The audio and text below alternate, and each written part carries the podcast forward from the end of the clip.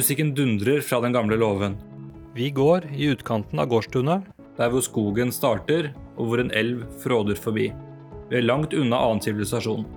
Vi kontrollerer at de som har sex i skogkanten, gjør dette frivillig, og at ingen av dem er så fulle at det vil kunne sees på som voldtekt. Det er kaldt og mørkt. Gradestokken viser tre minusgrader. Jeg har kledd godt på meg med flere lag ull, men det har ikke de fulle ungdommene som raver rundt. Det er halloween, og de fleste har kun på seg tynne kostymer. Det var kollegaen min som oppdaget henne. Han hadde bøyd seg ned og lyste inn under et gammelt hus som sto på lave påler. Der fikk han øye på et nakent bein. Da vi krabbet inn under huset, så vi at det var en jente som lå der. Kun iført et kostyme som dekket lite av kroppen. Vi fikk henne ut fra under huset og inn i bilen vår.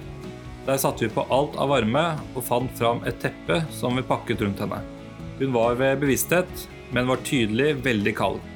Kollegaen min, som også er utdannet sykepleier, konkluderte med at hun led av hypotermi, og at tilstanden var alvorlig. Jenta på 16 år var veldig full. Hun fortalte at hun hadde blitt trøtt og hadde krabbet inn under huset for å få sove i fred og der hadde hun savnet tungt. Både jeg og kollegaen min tror at om ikke vi hadde funnet henne, ville hun aldri ha våknet igjen. Du hører på Foreldretips, en podkast om hvordan navigere din tenåring trygt gjennom ungdomstiden. Dette er en av flere lignende historier jeg kunne fortalt om hva vi ser når vi er ute på ungdomsfester. Det største problemet er jo ungdommen som drikker altfor mye, og som ikke klarer å ta vare på seg selv. Jeg skal nå snakke litt om hvordan vi kan unngå dette. Altså hvordan vi kan unngå at de blir så fulle at de ikke klarer å ta vare på seg selv.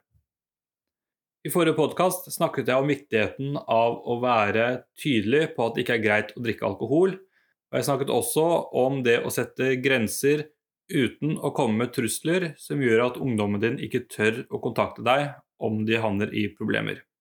Om du ikke allerede har hørt den podkasten, så anbefaler jeg deg å høre på den. I denne podkasten vil jeg komme med mer konkrete tips om hva du kan gjøre for at din ungdom skal drikke minst mulig. Jeg skal også komme innom hva du kan gjøre om ungdommen kommer full hjem. Det første jeg har lyst til å nevne, er dette med innetider. Jeg syns det er trist når jeg møter på ungdom som ikke vet når de må være hjemme. Og jeg har også snakket med ungdom som sier at de skulle ønske de hadde foreldre som brydde seg nok til å sette innetider.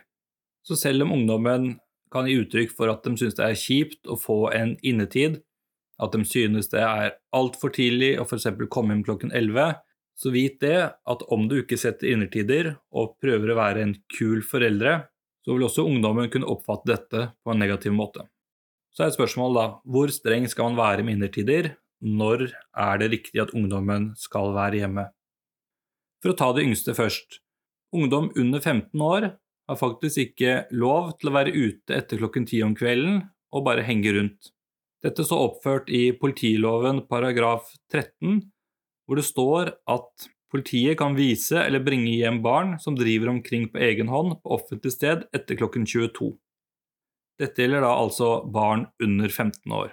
Så har du barn under 15 år som mener at de skal få lov til å være ute og henge med venner til etter klokken 10 på kvelden, så kan du bare henvise til den paragrafen og si at uh, der står det at ungdom under 15 år ikke skal være ute og henge etter klokken 10 på kvelden.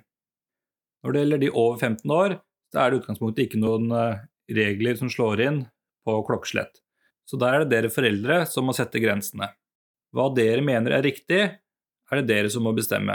Og det er dere som kjenner deres ungdom best, og Derfor er det vanskelig for meg å komme med noen konkrete råd på alder og klokkeslett. Men det viktige er at dere gir et tydelig klokkeslett. Om dette er klokka 10, 11, 12 eller 1, så er dette noe dere som foreldre kan bestemme. Men som sagt, sørg for at dere gir en tydelig beskjed hver gang ungdommen skal være ute lenge. På hverdagene kan det også være greit å ha et fast klokkeslett hvor ungdommen vet at de må være hjemme. Det neste som kan være smart for å forebygge at ungdommen din drikker for mye, er å kjøre og hente når ungdommen din skal på et eller annet. Om det er en fest, bursdag eller et annet type arrangement, hvor det er mulig at noen kommer til å nyte alkohol, så er det smart å tilby å kjøre og hente. Tilby å kjøre og hente er kanskje ikke helt riktig ord, da ungdommen ofte kommer til å takke nei til dette tilbudet. Jeg har noen ganger anbefalt foreldre å bruke det som et krav om at ja, du skal få lov til å dra på denne festen, men da er det et krav om at jeg skal få lov til å kjøre og hente deg. Kanskje ungdommen kan få lov til å være der ekstra lenge om du får lov til å hente. Og da er det ikke sånn at du skal være med inn på festen sånn som man gjorde når barna var små, og leverte i døra og hilste på foreldrene. Kanskje holder det at du slipper av ungdommen et kvartal eller en gate unna. Det viktige er at ungdommen skal føle at han blir sett, og føle at du har en viss grad av kontroll. På den måten så vil ungdommen være mye mer bevisst på hvor mye han kan drikke på festen, om han kan drikke i det hele tatt. Målet her er som sagt å få ungdommen til å drikke minst mulig, for det å tro at man klarer å hindre ungdommen sin å drikke noe i det hele tatt, det er litt naivt. Når ungdommen kommer opp i alderen 16-17 år, så er det såpass vanlig med alkohol på festene at et realistisk mål må være å få ungdommen til å drikke minst mulig. Og som sagt i forrige podkast, så er det viktig at selv om vi vet at det handler om å drikke minst mulig, så skal vi være klare overfor ungdommen på at de får ikke lov til å drikke noe. Når du kjører ungdommen til festen, så vil ungdommen ha mindre mulighet for å skaffe seg alkohol på veien til festen. Og terskelen for å ha med alkoholen hjemmefra i en sekk f.eks er også med en gang mye høyere, ungdommen er redd for at du skal oppdage hva han har i sekken. Høre det klirrer i flasker, eller se at sekken er unaturlig tung. Det er også ikke veldig uvanlig at ungdom gjemmer alkoholen ute i hagen eller andre steder, noe de ikke vil ha mulighet til når du skal kjøre dem. Når det gjelder det å hente, så har det to store fordeler. Det første er at ungdommen må forholde seg til det tidspunktet han blir hentet, og da komme hjem i tide. Du kan jo gjøre det klart for ungdommen at hvis han er et kvarter forsinka til opphenting, så kommer du til å komme inn på festen for å hente han. Da vil de aller fleste ungdommer være ganske bevisst på klokka, for de er jo livredd for at foreldrene skal komme inn på festen, for det er jo det er flaut. Så det ønsker de ikke. I tillegg så vet ungdommen at den må befinne seg i en bil ganske tett på deg, eh, i hvert fall et lite stykke, det kommer an på hvor, eh, hvor lang kjøretur det er snakk om. Nå må man i hvert fall sitte i nærheten av deg en periode og hvis han da har drukket en del, så vil det være vanskelig å skjule. Under denne bilturen så har også du en ypperlig anledning til å spørre litt om hvordan han har hatt det, om det har skjedd noe, om det har vært morsomt, hvem var på festen Altså litt sånn Det skal ikke være noe avhør av ungdommen, men å ha en liten sånn samtale for å vise at du bryr deg, og også gi ungdommen anledning til å fortelle om noe er galt, om det har skjedd noe, om man har blitt utsatt for noe, om det er noe som er ugreit, som man kvier seg for å prate om. Skap disse gode anledningene for å prate. Jeg har eksempler spesielt med jenter hvor de har blitt utsatt for ting på festen. Det kan være ikke nødvendigvis en fullbyrda voldtekt, men det kan være gutter som har klådd litt vel mye. Det kan ha vært krangler med andre jenter, det kan være at de har gjort det slutt med kjæresten sin. Det kan være, I den alderen så er det mye som kan også være veldig traumatisk for ungdom. Jeg har vært borti mange festrelaterte hendelser hvor ungdommen har blitt utsatt for noe på festen, men hvor de ikke har fortalt foreldrene sine om det. Og når vi i etterkant av en eller annen grunn har kommet på banen og prater med ungdommen og lurer på hvorfor fortalte du ikke dette til mor eller far, så er en av gjengangerne at de sier at de ikke fikk anledning til å snakke om det. Og etter hvert som tiden går etter festen, så blir det vanskeligere og vanskeligere å ta det opp. Så det beste er å skape en anledning hvor ungdommen kan fortelle om det som har skjedd på festen, og da er dette, denne kjøreturen hjem fra festen en god anledning. En annen veldig god anledning er det neste tipset mitt, og det er nattmat. Nattmat er et genialt tips som kollegaen min fortalte meg om, og som jeg etterpå har anbefalt til veldig mange. Når ungdommen skal dra på fest, så gjør dere noen avtaler. Det handler om innetid, det handler om eventuell kjøring og henting, og det handler om nattmat. Og med nattmat så menes det å lage mat til ungdommen når ungdommen kommer hjem. Det kan være burger, pizza eller andre ting som ungdommen har lyst på når det er litt sånn sent på kvelden, og det kan godt med litt mat før man legger seg. Vi voksne har jo også vært der. Det er en grunn til at det er lange køer utenfor kebabsjappene på vei hjem fra byen, Man ønsker noe litt sånn fet mat på vei hjem før man går og legger seg. Og Det samme gjelder jo også ungdommen. Og Hvis ungdommen på forhånd vet at når han kommer hjem, så skal han spise nattmat sammen med dere, så vet han også at han blir nødt til å tilbringe tid sammen med dere. Og Dette gjør også at ungdommen da er mer påpasselig med at han ikke må framstå som full eller beruset når han kommer hjem, og han vil derfor drikke mindre, om noe i det hele tatt. Dette kan også brukes som en forhandlingsgreie. Hvis ungdommen sier at 'jeg vil være ute til klokka ett', alle andre skal være på festen til klokka ett, da vil jeg også, jeg vil også være der så lenge. Så kanskje man kan si at ja, greit, du kan få lov til å være der til klokken ett, men da skal du spise nattmat med oss når du kommer hjem, og vi skal få lov til å hente deg. Under denne nattmaten så er det som sagt en ypperlig anledning til å høre hvordan kvelden har vært. Skap gode anledninger hvor ungdommen kan fortelle. Ikke vær sånn at dere avhører og graver for mye, men still åpne spørsmål om hvordan det har vært, hvem var der Altså egentlig ganske naturlige ting som man normalt sett ville spurt om.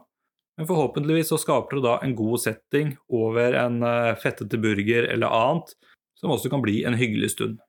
Og jeg har fått positive tilbakemeldinger fra foreldre som har iverksatt dette med nattmat.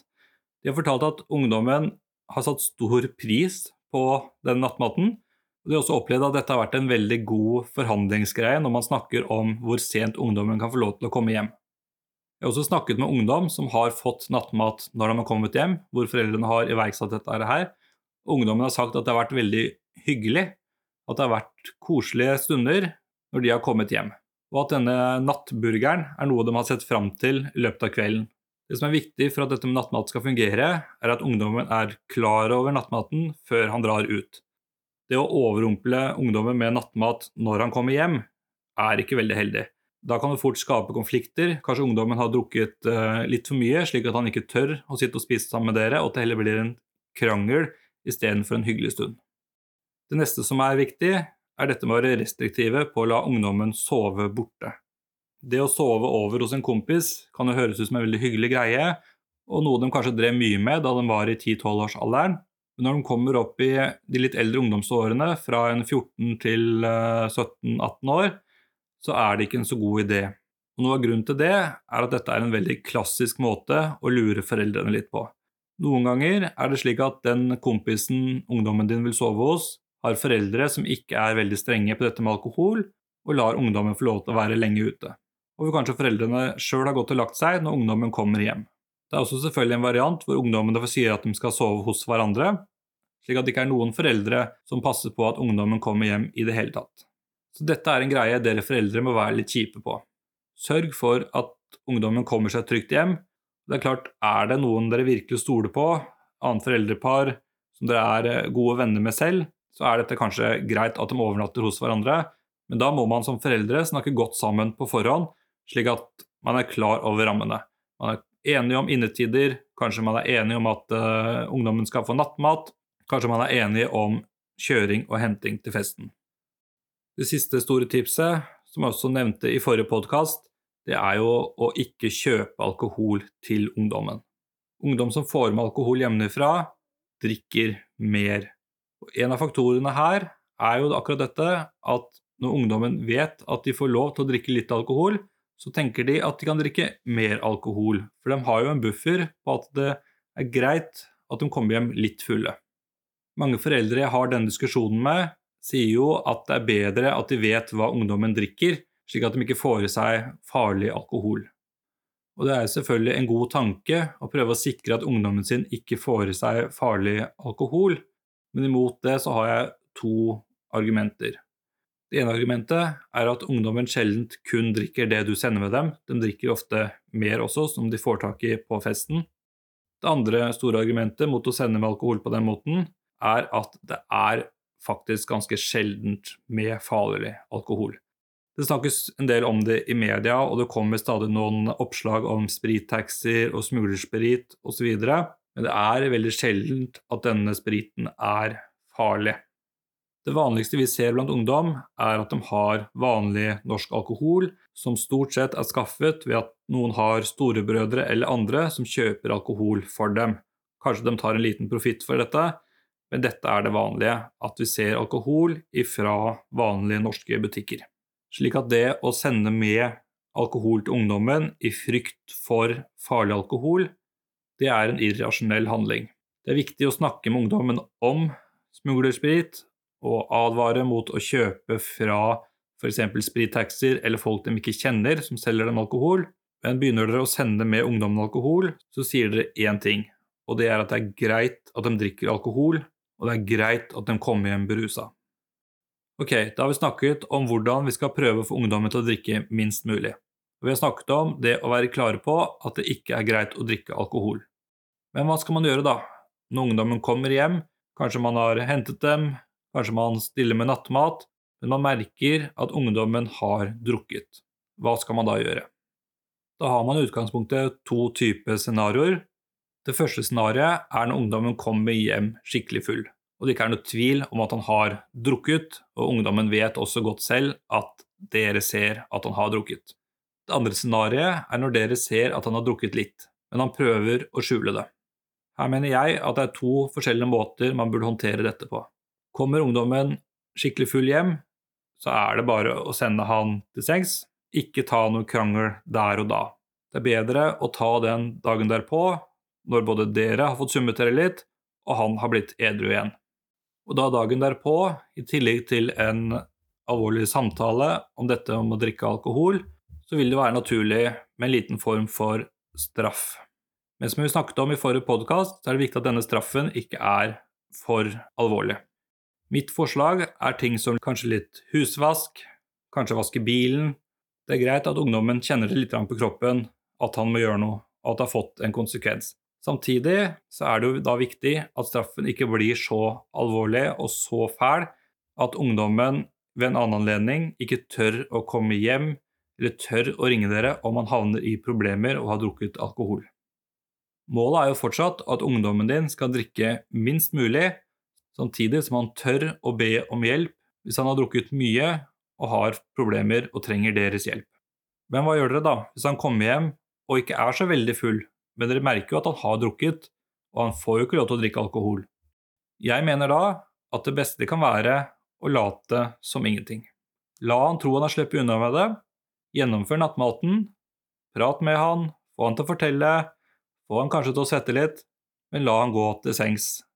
Det viktige er at han skal fortsette å tørre å komme hjem selv om han har drukket litt.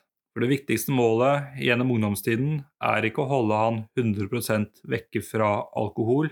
Det viktigste målet er at han skal komme trygt hjem til dere, og at han skal tørre å bruke dere som livbøye om han havner i en vanskelig situasjon han ikke klarer å håndtere sjøl.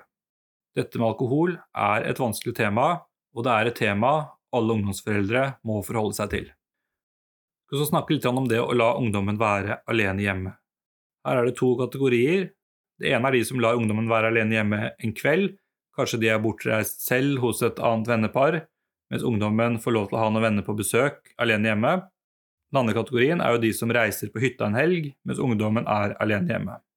Slik samfunnet har utviklet seg de siste årene, spesielt med sosiale medier, så er det en dårlig idé å la ungdom være helt alene hjemme. For selv om ungdommen din er grei, og faktisk bare har planer om å ha fire-fem gutter på besøk og sitte og spille PlayStation, spise pizza og drikke brus, så sprer ryktet seg fort om at ungdommen skal være alene hjemme den kvelden. Vi har sett mange tilfeller på at dette kan gå skikkelig dårlig.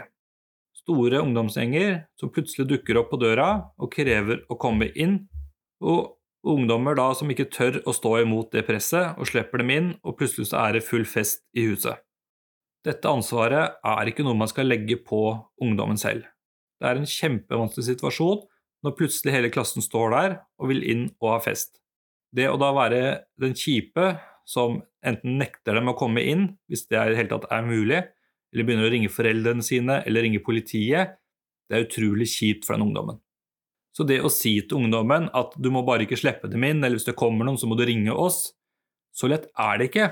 Og dette er ikke et ansvar dere burde utsette ungdommen deres for. Jeg skjønner at det er kjipt for ungdommen å aldri kunne være alene hjemme, spesielt hvis dere ikke har et eh, stort nok hus til at dere kan gjemme dere bort i en kjellerstue eller loftstue mens ungdommen har venner på besøk, men dette er realiteten. Og hva enn dere gjør, ikke dra på hytta og la ungdommen være alene hjemme. Jeg skjønner situasjonen med at ungdommen ikke har lyst til å være med på hytta, for det er utrolig kjedelig å være der sammen med foreldrene sine. Og hvordan dere skal løse det, det har ikke jeg noe fasitsvar på. Kanskje det faktisk er noen år hvor dere ikke kan være så mye på hytta som dere ønsker. Kanskje dere skal gå til det skrittet og få montert bredbånd på hytta, slik at ungdommen kan få lov til å sitte der med iPaden sin.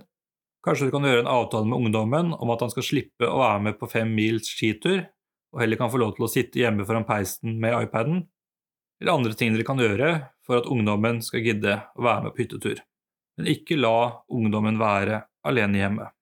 Om du likte denne podkasten, tips andre foreldre om den, og sørg for å aktivere varsler for når neste episode kommer ut. Via nettsiden foreldretips.no kan du også komme med tilbakemeldinger på episoden, og du kan komme med forslag til nye temaer du ønsker jeg skal prate om.